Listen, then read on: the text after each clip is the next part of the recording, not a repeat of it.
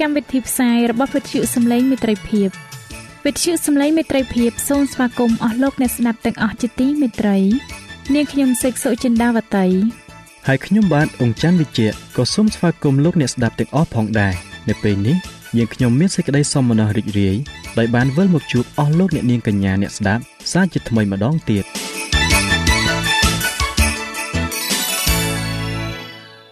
ចា៎លោកអ្នកស្ដាប់ជាទីមេត្រី នាងខ្ញុំសូមគោរពអញ្ជើញអស់លោកលោកស្រីអ្នកនាងកញ្ញាតាមដានស្ដាប់កម្មវិធីផ្សាយរបស់វិទ្យុយើងខ្ញុំដូចតទៅ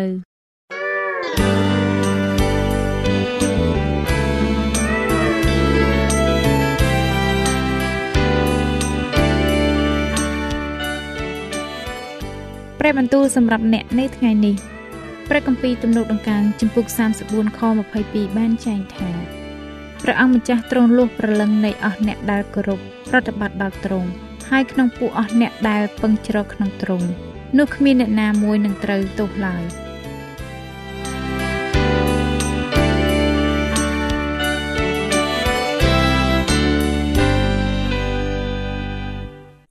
ជំរាបសួរអស់លោកអ្នកស្ដាប់នេតិសបាស្គូលប្រចាំសប្ដាហ៍ទាំងអស់គ្នាជាទីមេត្រី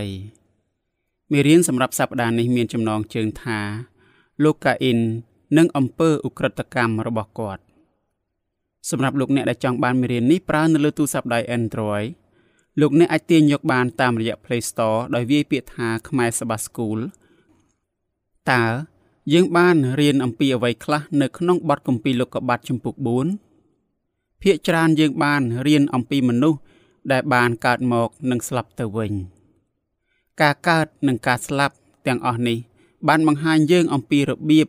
ដែលសេចក្តីសន្យារបស់ព្រះនៅក្នុងបទគម្ពីរលោកុបាទចំពុក3បានចាប់ផ្ដើមកើតឡើងដូចជាទ្រង់បានមានបន្ទូលមកមែន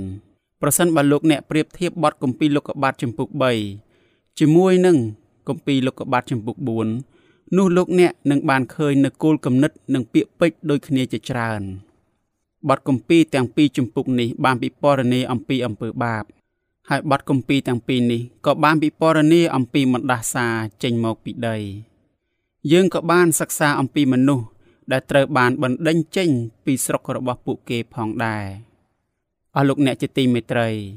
បន្ទាប់ពីលោកអាដាមបានចាក់ចេញពីសួនច្បារដែនមកគាត់បានคล้ายទៅជាឪពុកម្នាក់កំណើរបស់លោកកាអ៊ីនបានបំពេញចិត្តលោកអាដាមដោយសេចក្តីសង្ឃឹមរីឯនាងអេវ៉ាវិញបានជឿថា លោកកាអ៊ីនគឺជាព្រះអង្គសង្គ្រោះដែលបានសន្យានោះឯងបន្ទាប់មក យើងបានរៀនអំពីអំពើអ ுக ្រិតកម្មរបស់លោកកាអ៊ីនហើយក្រោយមកទៀតយើងក៏បានឃើញអំពីអំពើអ ுக ្រិតកម្មរបស់លោកឡាម៉ែកយើងក៏បានឃើញអំពីរបៀបដែលជីវិតរបស់មនុស្សលោកកាន់តែខ្លីទៅខ្លីទៅទៀតផង យើងក៏បានឃើញអំពីរបៀបដែលអំពើអាក្រក់បានបំពេញផែនដីនេះ រឿងទាំងអស់នេះគឺជាផ្នែកមួយនៃបណ្ដាសាដែលព្រះបានប្រកាសនៅក្នុងបទគម្ពីរលោកុបាទជំពូក3មែនហើយរឿងអាក្រក់ជាច្រើនបានកើតឡើងនៅក្នុងបទគម្ពីរលោកុបាទជំពូក4ប៉ុន្តែសេចក្តីសង្ឃឹមទាំងអស់សម្រាប់មនុស្សលោកមិនបានត្រូវបាត់បង់នោះឡើយតើ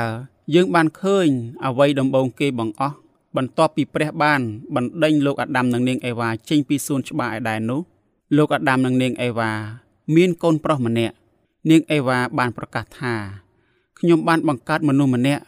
ពីព្រោះព្រះអម្ចាស់ប្រទានឲ្យតើមនុស្សដែលបានសន្យានោះ គឺជាអ្នកណាទ្រង់គឺជាព្រះអង្គសង្គ្រោះ ដែលនឹងសង្គ្រោះមនុស្សលោកចេញពីអំពើបាប ពាក្យថាព្រះអម្ចាស់នៅក្នុងបទគម្ពីរលោកុបាទចំពុក4ខ1មានទំនាក់ទំនងគ្នាយ៉ាងជិតស្និទ្ធទៅនឹងពាក្យថាមនុស្សម្នាក់នាងអេវ៉ាចង់និយាយថា មែនហើយខ្ញុំបានបង្កើតមនុស្សម្នាក់ដែលជាព្រះនេះឯងព្រះគម្ពីរសម្រាយបានបង្ហាញយើងអំពីសេចក្តីពិតនេះយ៉ាងដូចនេះថាខ្ញុំបានបង្កើតកូនប្រុសម្នាក់ដ៏ជាព្រះអម្ចាស់ឈ្មោះថាកាអ៊ីនបានប្រែមកពីពាក្យថាហ្គាណាជាភាសាហេប្រឺដែលពាក្យនេះ មានន័យថាបានទទួលពាក្យហ្គាណានេះ បានបង្ហាញយើង ថាលោកអាដាមនិងនាងអេវ៉ាបានជឿថាពួកគេបានទទួលអ្វីមួយដ៏មានតម្លៃនិងមានអំណាចជាទីបំផុតមកពីព្រះរីឯពាក្យថាអេបលបានប្រែមកពីពាក្យថា Hebel ជាភាសាហេប្រឺដែលពាក្យនេះអាចប្រែមកមានន័យថាខ្យល់ដង្ហើម ពាក្យថា Hebel នេះ បានបង្ហាញយើងអំពីអ្វីមួយដែលយើងមិនអាចយកបាន ឬអ្វីមួយដែលមិនសូវសំខាន់ ស្ដេចសាឡូមោនបានបង្ហាញពាក្យ Hebel ដដែលនេះម្ដងហើយម្ដងទៀតដើម្បីបង្ហាញយើងអំពីអ្វីមួយ ដែលខ្ជះខ្ជាយពេលវេលាឥតប្រយោជន៍និងគ្មានន័យអ្វីទាល់តែសោះយើងមិនចង់បង្កើតការសន្និដ្ឋានខុសណាមួយអំពីមូលហេតុដែលនាំឲ្យលោកអាដាមនិងនាងអេវ៉ាដាក់ឈ្មោះកូនប្រុសទី2របស់គាត់ថាអេបលនោះទេ ទន្ទឹមនឹងគ្នានេះឈ្មោះនេះបានបង្ហាញយើងថាលោកអាដាមនិងនាងអេវ៉ាបានជឿថា លោកកាអ៊ីនគឺជាព្រះអង្គសង្គ្រោះដែលបានសន្យានោះឯងមិនមែនជាប្អូនប្រុសរបស់គាត់នោះឡើយកាអ៊ីននិងលោកអេបលមានលក្ខណៈខុសពីគ្នាយ៉ាងដាច់ស្រឡះដោយដែលឈ្មោះរបស់ពួកគេបានបង្ហាញយើងអញ្ចឹងយើងបានឃើញអំពីលក្ខណៈខុសគ្នារបស់ពួកគេនៅក្នុងកិច្ចការដែលពួកគេធ្វើអេបលជាអ្នកកងវិលវងសัตว์តែកាអ៊ីនជាអ្នកធ្វើស្រែចម្ការវិញ ក្នុងនាមជាអ្នកធ្វើចម្ការ លោកកាអ៊ីនត្រូវការកម្លាំងជាច្រើនក្នុងការដាំដុះដំណាំរបស់ខ្លួន ក្នុងនាមជាអ្នកកងវិលវងសัตว์លោកអេបលបានបង្ហាញថាគាត់មានចិត្តស្រឡាញ់និងយកចិត្តទុកដាក់ចំពោះវងសัตว์របស់គាត់កាអ៊ីនដាំដំណាំហូបផ្លែរីឯអេបលវិញចិញ្ចឹមសត្វជៀមការងាររបស់បងប្អូនទាំងពីរនាក់នេះបានជួយឲ្យយើងយល់អំពីមូលហេតុដែលបណ្ដាលឲ្យពួកគេ នាំយកដង្វាយខុសគ្នាមកថ្វាយដល់ព្រះជាម្ចាស់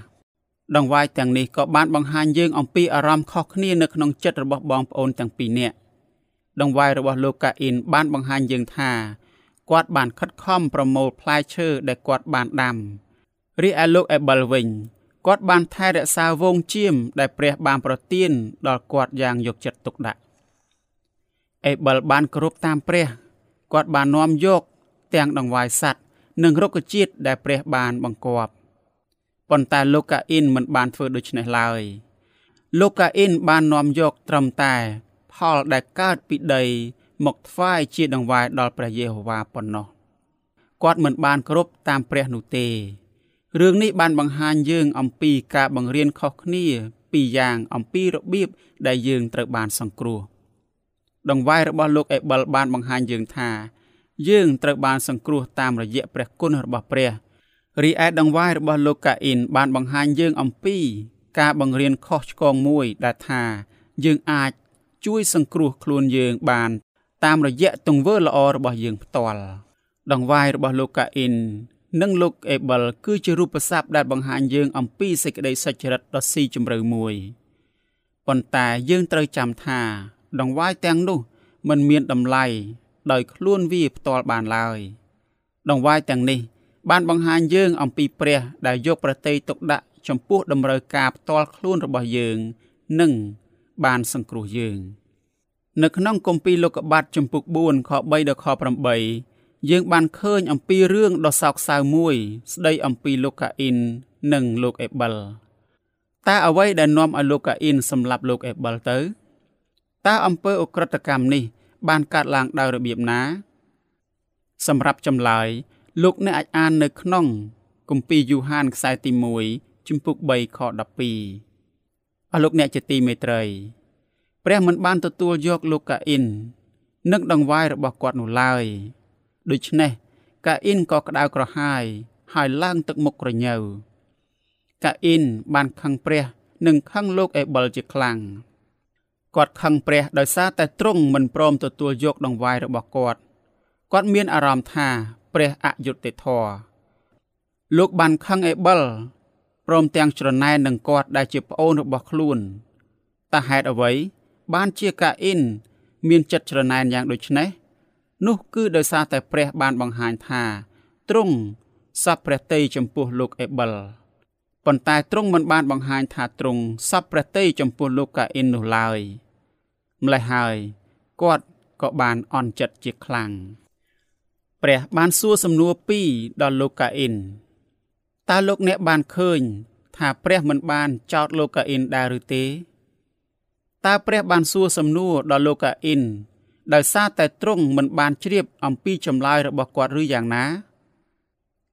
មិនមែនជាការពិតនោះទេ តាមពិតទៅព្រះចង់ឲ្យលោកកាអ៊ីនក្រឡេកមើលទៅក្នុងចិត្តរបស់គាត់ឡើងវិញ ដើម្បីឲ្យបានយល់អំពីមូលហេតុចំពោះអារម្មណ៍ដ៏អាក្រក់របស់គាត់ យើងអាចរៀនចេញអំពីរឿងនេះថាព្រះអម្ចាស់តែងតែព្យាយាមសង្គ្រោះយើងជានិច្ចទោះបីជាយើងបានធ្វើឲ្យទ្រង់ខកព្រះតីយ៉ាងណាក៏ដោយបន្ទាប់ពីព្រះបានសួរសំណួរពីរដល់លោកកាអ៊ីនរួចមកព្រះបានប្រទាននៅដំបូងមានខ្លះខ្លះដល់គាត់ មុនដំបូង ព្រះបានមានបន្ទូលប្រាប់លោកកាអ៊ីនឲ្យធ្វើល្អព្រះចង់ឲ្យគាត់ផ្លាស់ប្ដូរអេរយាប័តរបស់គាត់ព្រះចង់ឲ្យគាត់បែកចេញពីអំពើបាប និងគំនិតអាក្រក់នៅក្នុងដួងចិត្តរបស់គាត់ផ្ទាល់ព្រះបានសន្យាថានឹងអត់ឱនទោសឲ្យគាត់ព្រមទាំងទទួលយកគាត់វិញ ប្រសិនបើគាត់បានបែរមកធ្វើរឿងត្រឹមត្រូវឡើងវិញប៉ុន្តែ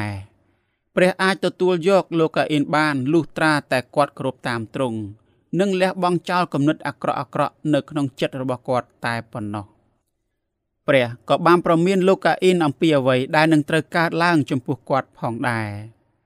ប្រសិនបើគាត់មិនបានផ្លាស់ប្ដូរអេរយាប័តរបស់គាត់នោះ បើអ្នកមិនប្រព្រឹត្តល្អទេ បាបក្រាបនៅមាត់ទ្វាររបស់អ្នក ដើម្បីជំរុញឲ្យអ្នកធ្វើតាមវាព្រះបានបង្ហាញលោកកាអ៊ីនថា ហេតុផលដ៏ពិតប្រាកដចំពោះបញ្ហារបស់គាត់នោះគឺជាអំពើបាបនៅក្នុងចិត្តរបស់គាត់ ជាថ្មីម្ដងទៀតព្រះបានបង្ហាញលោកកាអ៊ីនថាគាត់ត្រូវតែកែប្រែចិត្តរបស់គាត់ឡើងវិញ បន្ទាប់មកព្រះបានមានបន្ទូលប្រាប់លោកកាអ៊ីនថាគាត់ត្រូវគ្រប់គ្រងខ្លួនឯងឲ្យបានប្រសិនបើគាត់មិនគ្រប់គ្រងខ្លួនឯងឲ្យបាននោះទេ នោះអំពើបាបវានឹងវាយប្រហារគាត់បាបក្រាបនៅមាត់ទ្វាររបស់អ្នក ដើម្បីជំរុញអ្នកឲ្យធ្វើតាមវា តែអ្នកត្រូវបង្ក្រាបវាវិញ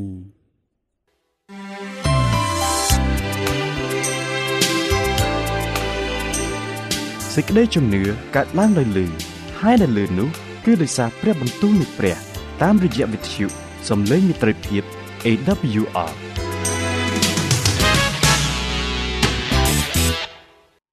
អស់លោកអ្នកជាទីមេត្រីដូច្នេះ គាត់ត្រូវតែគ្រប់គ្រងគំនិតនិងអារម្មណ៍របស់គាត់ឲ្យបាន លោកយ៉ាកុបក៏បានដាស់តឿនយើងកុំឲ្យអនុញ្ញាតឲ្យអំពើបាបគ្រប់គ្រងលើចិត្តនិងគំនិតរបស់យើងយ៉ាងដូចនោះដែរថាម្នាក់ម្នាក់ជួបនឹងការលបួងមកតែពីចិត្តលោភលន់របស់ខ្លួនឯងផ្ទាល់តាក់ទាញនិងលួងលោមបញ្ឆោតប៉ុណ្ណោះគម្ពីរយ៉ាកុបជំពូក1ខ14ប៉ុន្តែ យើងមានសេចក្តីសង្ឃឹមមួយគឺថាព្រះបានសន្យានឹងអត់ឱនទោសដល់យើងទ្រង់នឹងជួយឲ្យយើងយកឈ្នះសង្គ្រាមទាស់នឹងអំពើបាបនៅក្នុងចិត្តរបស់យើងអស់លោកអ្នកជាទីមេត្រីតើរឿងរបស់លោកកាអ៊ីនដ៏គួរឲ្យសោកសៅនេះ បានបង្ហាញយើងយ៉ាងដូចម្ដេចអំពីរបៀបដែលព្រះបានផ្ដល់សេរីភាពដល់យើងនិងមិនបង្ខំឲ្យយើងគ្រប់តាមទ្រង់នោះ ព្រះបានសួរទៅកាន់កាអ៊ីនថា អេបលប្អូនឯងនៅឯណា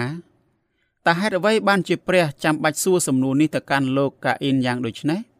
អំពើបាបរបស់លោកកាអ៊ីននឹងការដែលលោកคล้ายទៅជាជនវង្វេងផ្លូវដែលនឹងត្រូវសัตว์ព្រាត់អណ្ដែតទៅមកលើផែនដី មានទំនាក់ទំនងអ្វីនឹងគ្នាដែរព្រះបានសួរសំណួរមួយទៅកាន់កាអ៊ីនដែលអាចជួយឲ្យយើងនឹកចាំអំពីសំណួរដែលព្រះបានសួរដល់លោកអាដាម បន្ទាប់ពីគាត់បានធ្វើអំពើបាបរួចមក ដែលទ្រង់បានសួរសំណួរនេះថាឯងនៅឯណាសំណួរនេះ អាចជួយឲ្យយើងមើលឃើញ អំពីទំនាក់ទំនងរវាងអំពើបាបរបស់លោកអាដាមនិងលោកកាអ៊ីនដូច្នេះយើងអាចមើលឃើញថាអំពើបាបរបស់លោកកាអ៊ីនបានកើតឡើងដោយសារតែអំពើបាបរបស់លោកអាដាម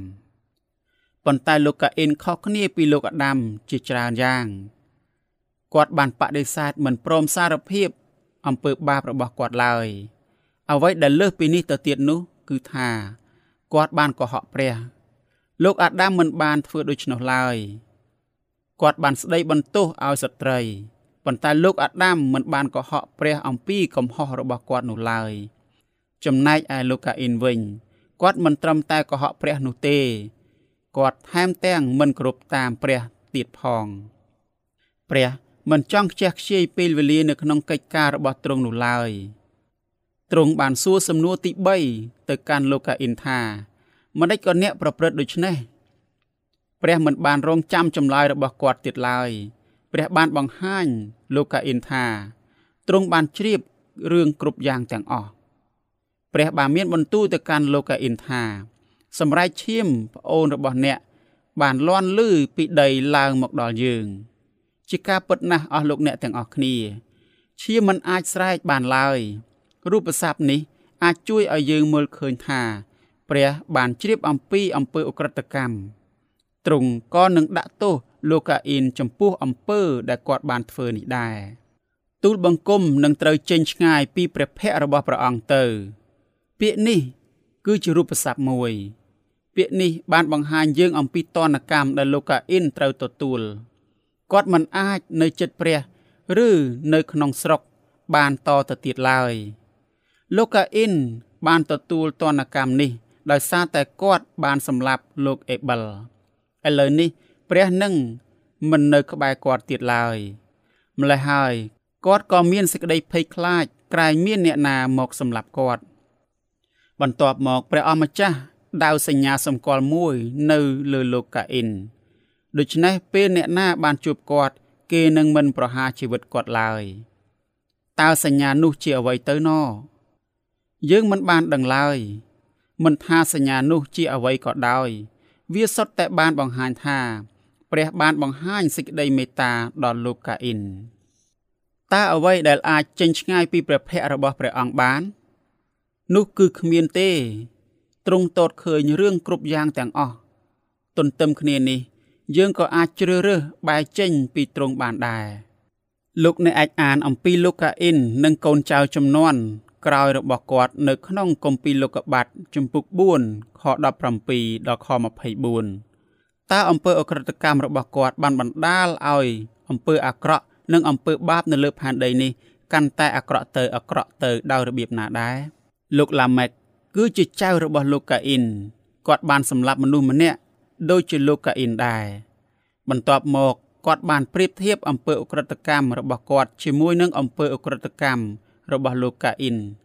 យើងបានសិក្សាអំពីសេចក្តីពិតនៃព្រះគម្ពីរអំពីរបៀបដែលអំពើបាបដំណើរការនៅពេលដែលយើងប្រៀបធៀបអំពើក្រតកម្មទាំងពីរនេះលោកកាអ៊ីនមិនបាននិយាយអំពីអំពើក្រតកម្មរបស់គាត់នោះឡើយប៉ុន្តែលោកឡាម៉េកបានអួតអាងអំពីអំពើអក្រកម្មរបស់គាត់ គាត់បាននិពន្ធចម្រៀងមួយស្ដីអំពីអំពើបាបរបស់គាត់ផងដែរលោកកាអ៊ីនបានសូមឲ្យព្រះបង្ហាញសេចក្តីមេត្តាដល់គាត់ប៉ុន្តែលោកឡាម៉េកមិនបានសូមសេចក្តីមេត្តាពីព្រះឡើយព្រះបានសន្យាថានឹងសងសឹកជួសលោកឡាម៉េកមួយជា77ដងវិញ ចំពោះអ្នកណាដែលធ្វើបាបគាត់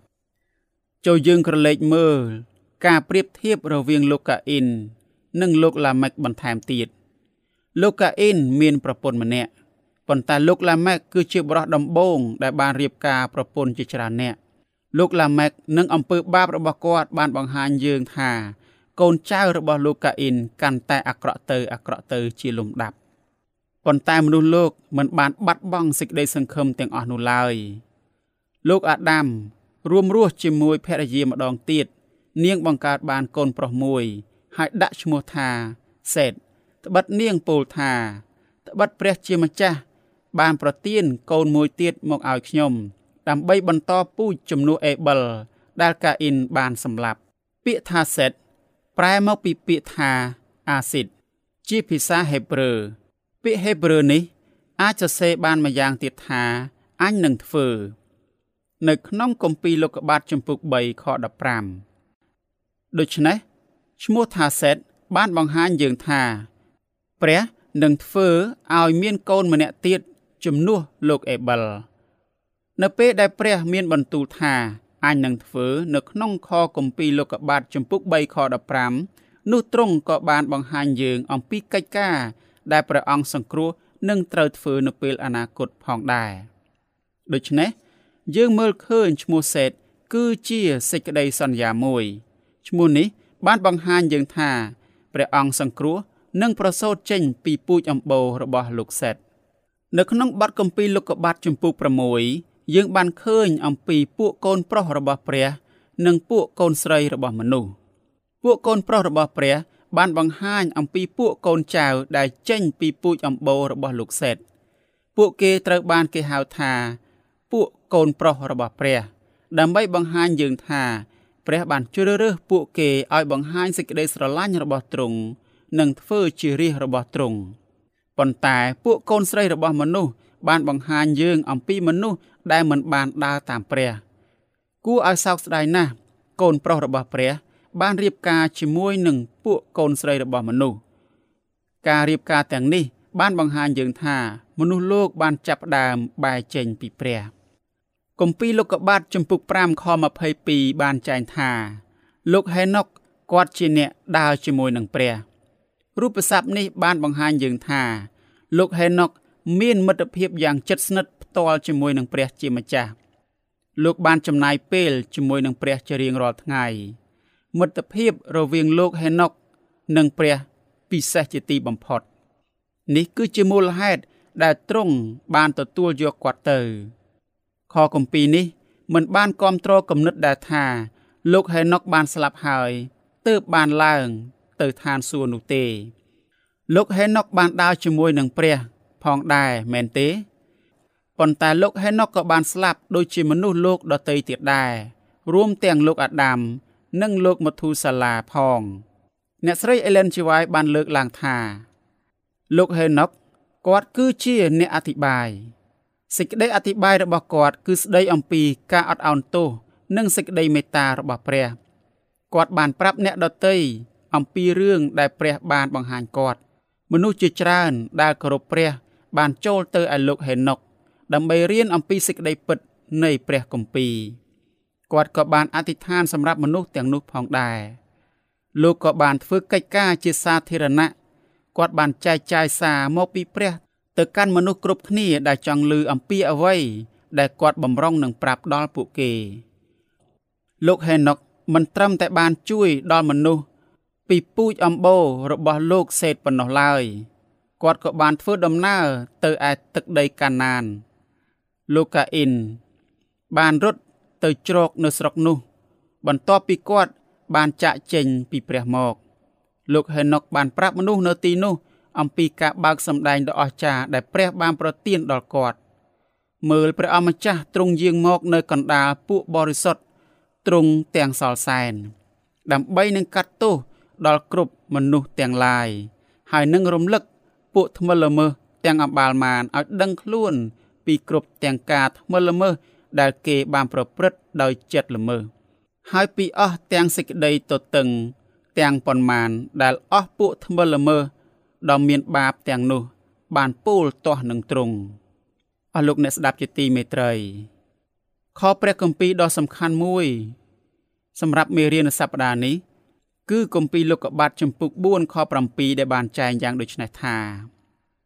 បើឯងធ្វើល្អតើមិនបានទឹកមុខរីករាយវិញទេឬអី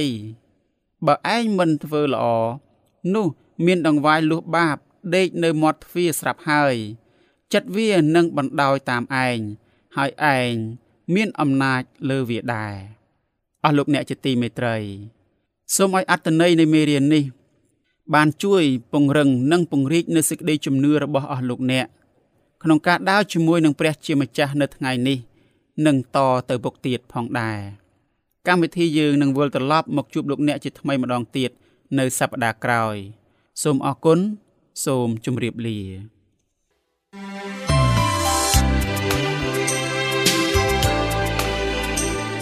ិទ្យុសំឡេងមេត្រីភាព AWR មានផ្សាយពីរដងក្នុងមួយថ្ងៃ គឺព្រឹកនៅម៉ោង6និងពេលយប់នៅម៉ោង8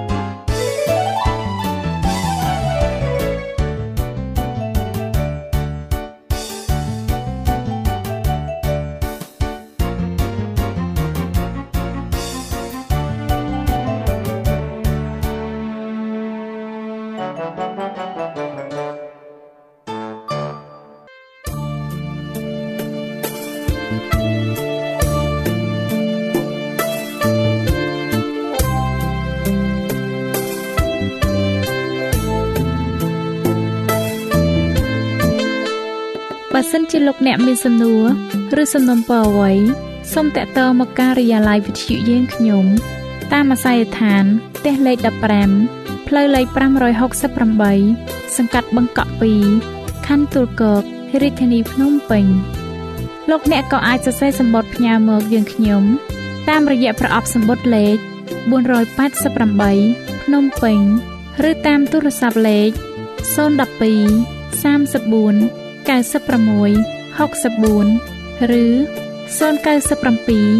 80 81 060ឬក៏តាមរយៈអ៊ីមែល vol@awr.org យើងខ្ញុំរងចាំទទួលស្វាគមន៍អស់លោកអ្នកនាងដោយក្តីសោមនស្សរីករាយហើយលោកអ្នកក៏អាចស្ដាប់កម្មវិធីនេះឡើងវិញដោយចូលទៅកាន់ website របស់វិទ្យុយើងខ្ញុំ តាមរយៈអាស័យដ្ឋាន www.awr.org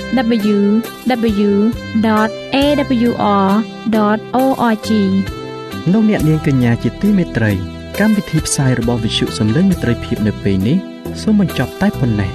យើងខ្ញុំសូមអរគុណចំពោះការតាមដានស្ដាប់របស់អស់លោកអ្នកតាំងពីដើមរហូតដល់ចប់យើងខ្ញុំសូមជូនពរឲ្យអស់លោកអ្នកនាងកញ្ញាទាំងអស់បានចម្រើនឡើងក្នុងព្រះគុណព្រះអង្គម្ចាស់ ហើយក្នុងការទទួលយកព្រះយេស៊ូវគ្រីស្ទជាព្រះអង្គម្ចាស់និងជាព្រះអង្គសង្គ្រោះនៃយើងរាល់គ្នានាទីផ្សាយរបស់វិទ្យុយើងខ្ញុំនឹងវិលមកជួបអស់លោកអ្នកសាជាថ្មីម្ដងទៀតនៅថ្ងៃស្អែកវេលាម៉ោងដដែលនាងខ្ញុំសេកសុចិន្តាវតីនិងខ្ញុំបាទអ៊ំច័ន្ទវិជ្ជៈសូមអរគុណសូមជម្រាបលា